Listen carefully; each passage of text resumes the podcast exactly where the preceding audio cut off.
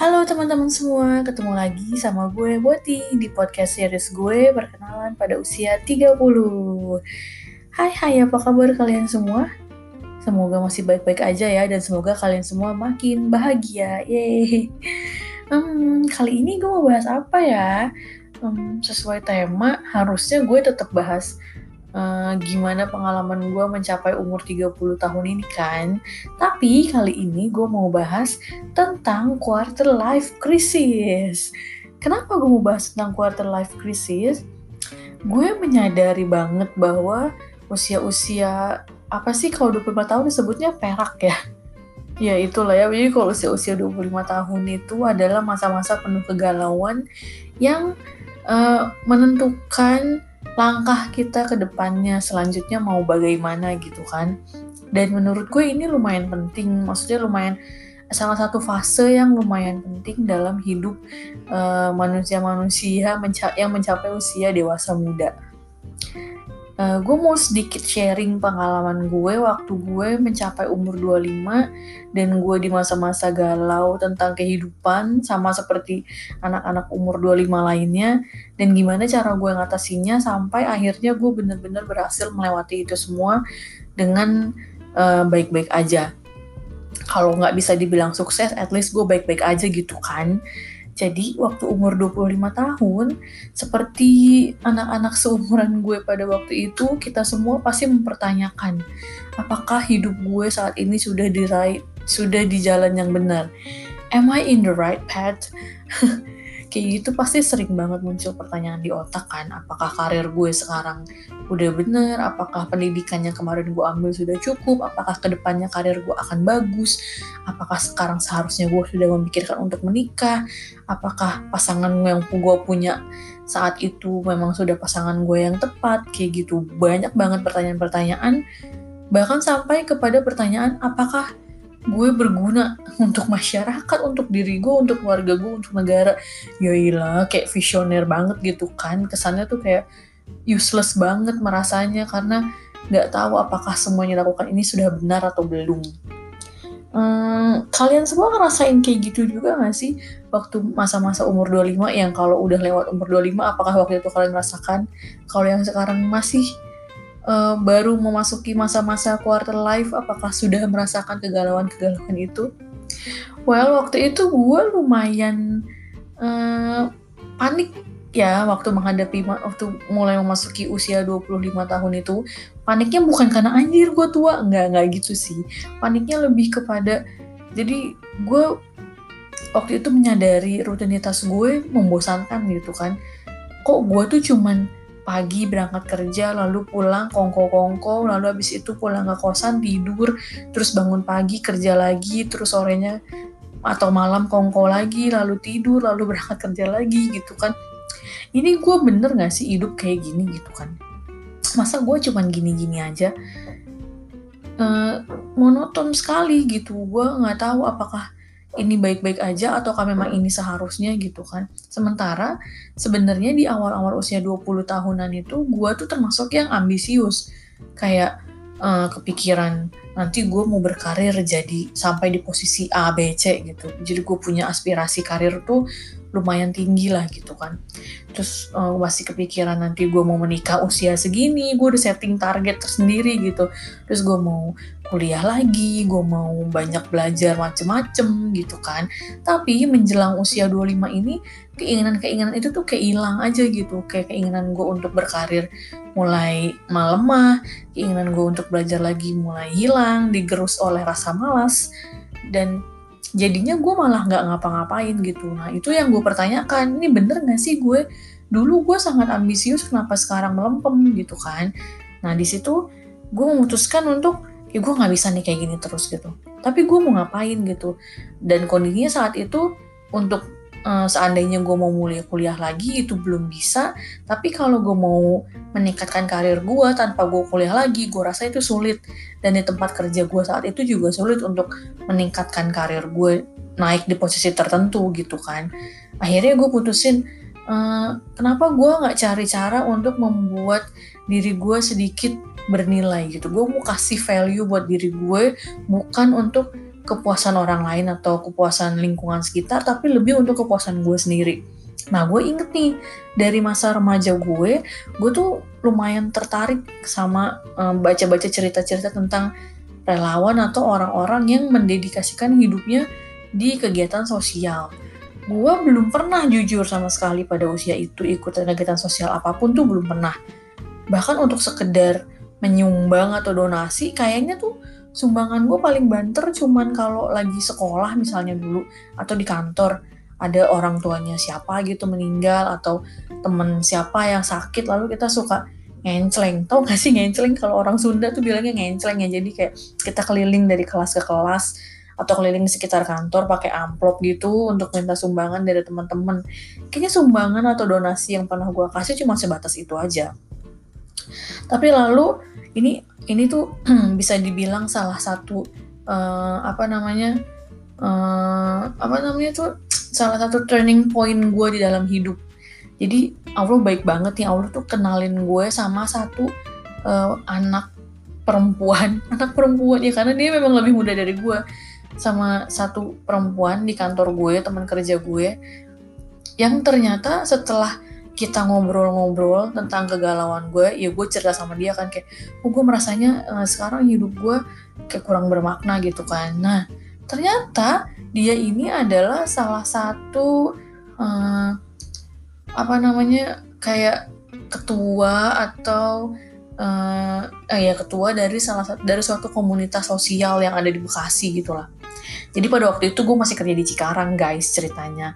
Kalau Bekasi aja udah luar planet, lu bayangin nah Cikarang tuh luar apa lah ya, luar angkasa gue rasa. Jadi hmm, waktu itu akhirnya gue ketemu sama temen gue ini dia cerita kalau dia itu aktif di satu komunitas mengajar di Bantar Gebang gitu namanya Serambi Inspirasi di bawahnya Dompet Duafa Volunteer jadi akhirnya gue memutuskan untuk gabung lah gitu kan. Oke okay, gue mau coba gitu.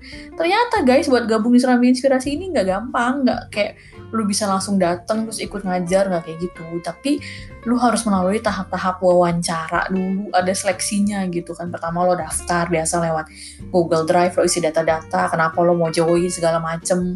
Setelah itu itu mungkin anggap aja seleksi administrasi lah ya. Setelah itu lo dipanggil interview. Lo akhirnya gue dipanggil interview pada waktu itu di Bekasi terus ketemu sama tim uh, apa sih dulu disebutnya? MSDI manajemen sumber daya inspirator. Jadi si relawannya Serambi Inspirasi ini disebutnya inspirator. Ketemulah gue sama tim MSDI dan uh, teman-teman di sana yang meng, yang mewawancarai gue ditanya lah tentang apa sih passion gue, uh, apa sih selama ini yang gue lakukan, terus kira-kira nanti kalau gabung di Serambi Inspirasi lo bisa ngapain aja gitu kan. Di sini tuh justru tahap yang bikin gue kayak, damn, gue beneran harus mikir gitu kan. Maksudnya passion gue apa? Anjay, gue aja nggak tahu kan. Nah di situ tuh sebenarnya gue interview dengan penuh kepersan. Oke, gue fake banget waktu interview di situ yang gue bilang ya gue uh, punya pengalaman kok dulu waktu gue SMA gue pernah ngajar uh, private anak-anak SD itu bener sih cuma itu kan SMA tuh kayak udah beberapa tahun yang silam gitu kan ya.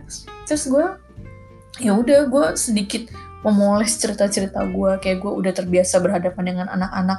Padahal enggak guys. Boro-boro gue tuh kalau sama anak kecil bisa dibilang anak kecil takut sama gue gue juga takut sih sama mereka. Entah kenapa gue kayak ada kekhawatiran sendiri untuk main sama anak-anak gitu.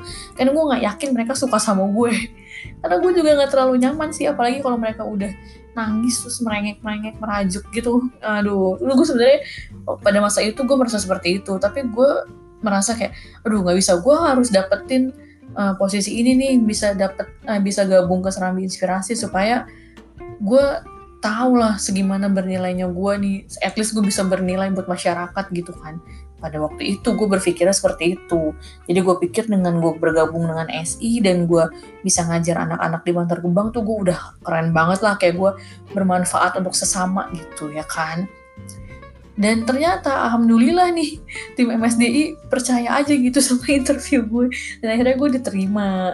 Hmm, sorry Ayu kalau lo lagi denger waktu itu gue tidak maksud bohong kok beneran nih? Tapi ya waktu itu gue emang sangat ingin bergabung dengan Serambi Inspirasi gitu. Ya udah akhirnya gue masuklah ke Serambi Inspirasi dimulailah ini pengalaman baru gue. Ketemu sama teman-teman baru ketemu sama lingkungan baru ketemu sama lingkungan yang gue nggak pernah tahu sebelumnya ada. Jadi hari pertama gue ngajar ini gue datang ke Bantar Gebang. Jadi kita diwajibin datang ke Bantar Gebang itu jam 8 pagi. Lo bayangin ya Bantar Gebang tuh jauh banget coy. Walaupun dia di Bekasi tapi dia lebih dekat ke Bogor. Serius dia jauh banget. Jadi itu perjalanannya lumayan lah. Gue harus berangkat dari Cikarang itu, gue kalau nggak salah inget tuh jam setengah enam pagi apa ya. Ya gue jam setengah enam, terus kayak kita tuh ada meeting pointnya gitu di stasiun Bekasi. Biasanya kita janjian sama inspirator-inspirator lain, terus kita uh, apa naik grab car atau kita nyewa angkot gitu berangkat bareng untuk ke Bantar Gebang gitu kan. Gue pikir nih, uh, ya gue tahu Bantar Gebang itu tempat pembuangan sampah akhir sih memang. Tapi gue nggak nyangka kalau lokasi sekolahan yang bakal gue eh, bakal jadi tempat gue ketemu sama anak-anak ini buat gue ajar ini bener-bener ada di tengah-tengah gunung sawah. Eh gunung sawah. Gunung sampah ya kan? Gue kaget banget. Terusnya gue pikir ya oke okay, Bantar Gebang tapi di uh, apa namanya uh, lingkungannya itu kayak kawasan pemukimannya nggak tepat di sebelahnya gunung sampah gitu. Ternyata enggak guys. Bener-bener tepat di gunung sampahnya itu di sebelahnya. Kayak jadi dari sekolah ini lu bisa ngeliat lah undakan-undakan gunung sampah dan baunya yang menyengat. Jadi ini bener-bener shocking. Dan hari pertama gue bener-bener shock karena ya anak-anaknya itu lumayan aktif. Gue pikir anak-anak di sana eh, nggak uh, akan seaktif itu gitu. Gue pikir mereka akan lebih yang malu-malu ketemu sama orang dari luar, orang baru gitu. Tapi ternyata enggak, mereka sangat aktif. Saking aktifnya, setiap kali gue pulang ngajar, gue merasa energi gue habis drain. Kayak bener-bener setiap kali habis pulang dari Bantar Gebang lelah banget gitu loh. Kayak bener-bener menguras energi. Tapi yang kenapa gue bilang ya, peristiwa ini yang jadi turning point dalam hidup gue adalah karena di sini gue ketemu banyak hal yang menampar gue pertama satu hmm, gue ketemu sama temen-temen yang punya background jauh lebih hebat daripada gue. Mereka lulusan kampus-kampus ternama, mereka punya pekerjaan yang luar biasa keren, bener loh dari dari yang receh kayak gue nih karyawan pabrik sampai yang uh, dokter, lalu auditor, lalu uh, dosen segala macem yang pendidikannya lulusan UGM, ITB, UI segala macem beasiswa luar negeri, beasiswa lalala gitu.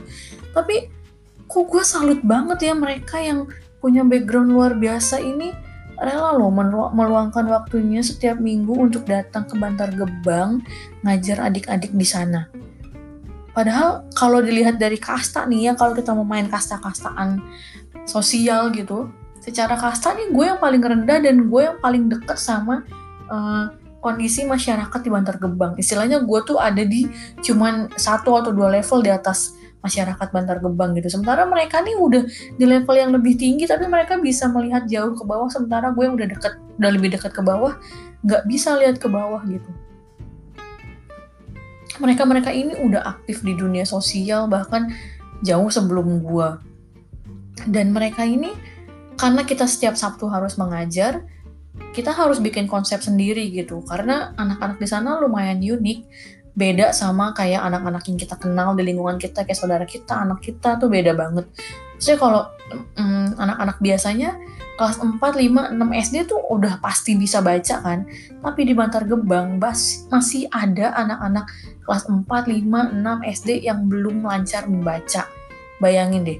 Karena di sana guru-gurunya itu kalau anak-anaknya datang ke sekolah, mereka tuh udah cukup bahagia. Jadi targetnya itu bukan untuk membuat anaknya anaknya pintar atau bisa membaca atau lulus UN dengan nilai sekian, enggak. Mereka itu dengan anak-anak pergi ke sekolah pun sudah sangat bersyukur. Anak-anak itu masih mau belajar di sekolah. Makanya di sini kehadirannya Serambi Inspirasi ini untuk membantu sedikit bebannya guru-guru tersebut supaya beliau-beliau mereka beliau-beliau ini bisa uh, lebih hmm, apa namanya terbantukan misalnya kita setiap Sabtu ngajarin baca tapi dengan metode yang menarik. Sambil bermain sambil games kayak gitu kan. Makanya setiap minggu kita pasti menyiapkan materi-materi untuk diberikan ke adik-adiknya. Nah itu tuh persiapannya nggak gampang. Karena gue pikir kalau misalnya mengajar anak-anak simple aja lah gitu kan kayak biasa tapi ternyata nggak gitu.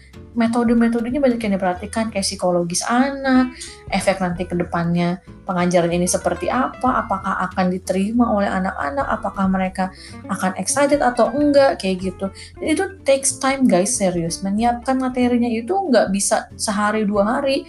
Biasanya kita udah mulai diskusi di grup di grup WA itu mulai dari hari Selasa malam atau ya telat-telat tuh Rabu malam lah untuk bikin konsep dan mempersiapkan materi-materi apa aja yang mau kita kasih ke adik-adik di hari Sabtu.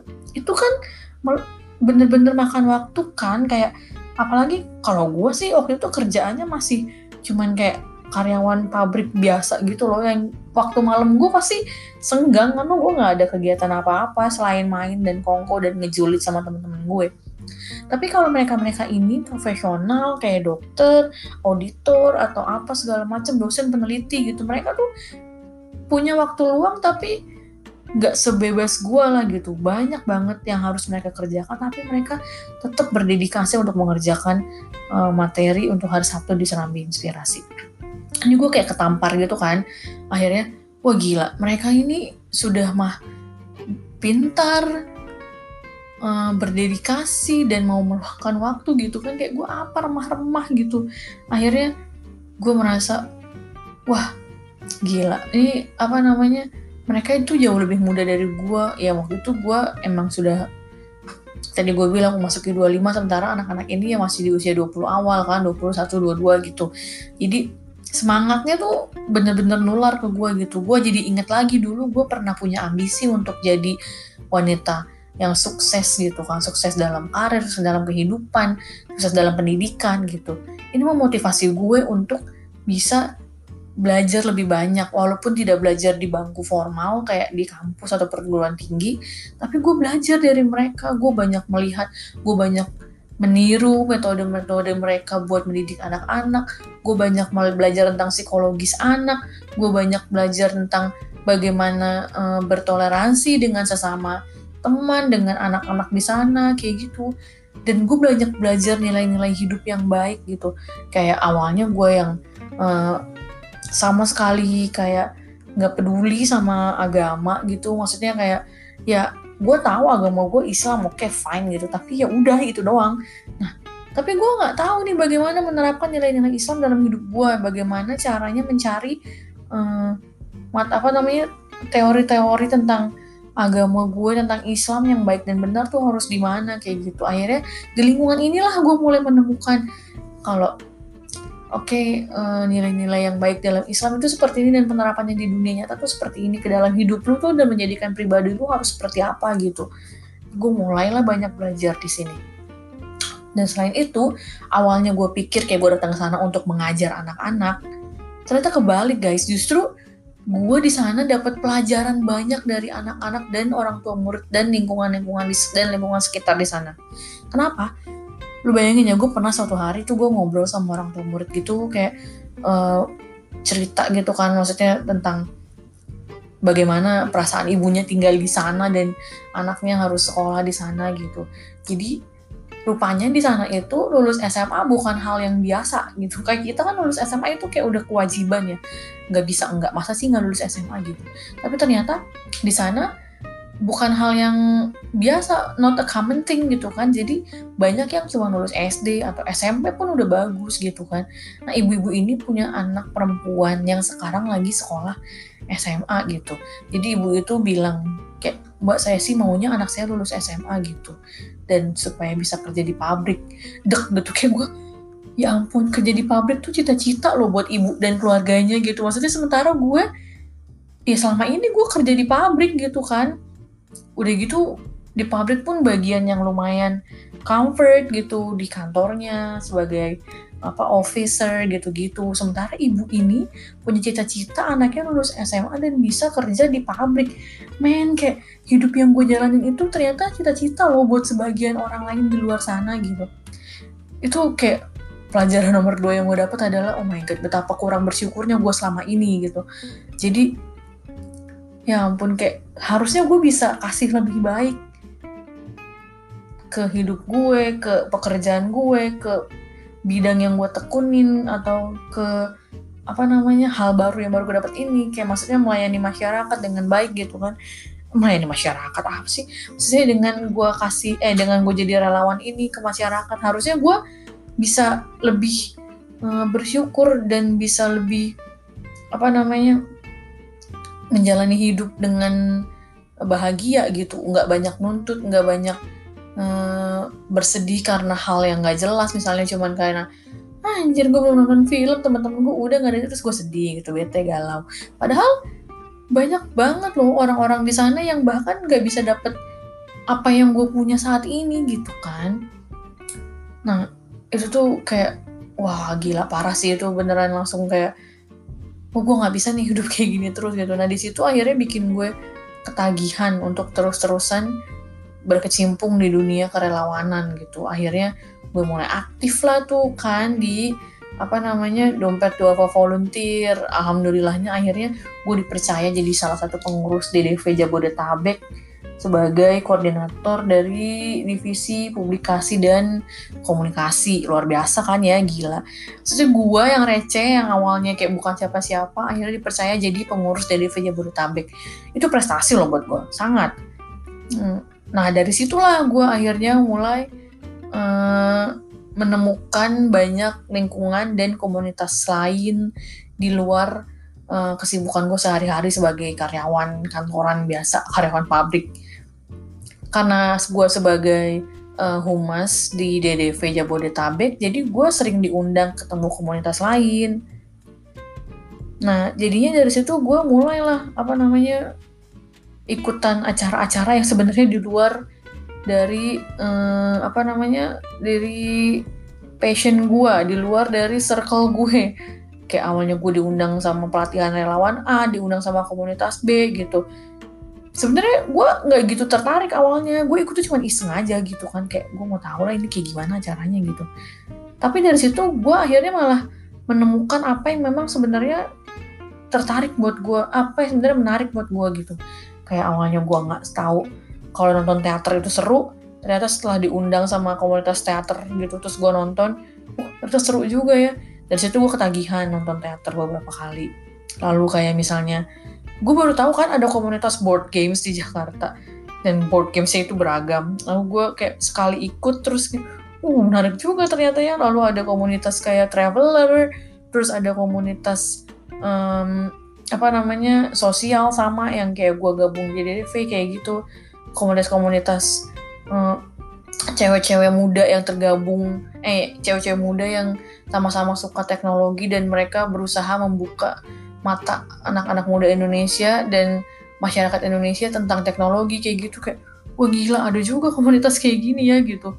Terus ada juga komunitas masak-masak kayak wah ada juga ternyata komunitas masak-masak dan mereka aktif gitu. Maka kegiatannya banyak kayak gitu kan. Dari situ mulai gue mulai membuka diri gue gue mulai membuka diri gue ke lingkungan yang lebih luas dan gue kenal banyak orang. Jadinya orang sekarang bilang gue jadi uh, sosok yang supel gitu. Sebenarnya awalnya gue nggak seperti itu tapi gue memaksa diri gue untuk masuk ke dalam lingkungan itu supaya ketika gue ketemu orang lain dan ditanya lo tau ini nggak? Oh iya gue tahu gue pernah ikut seminarnya nih padahal cuma sekali gue ikut seminarnya.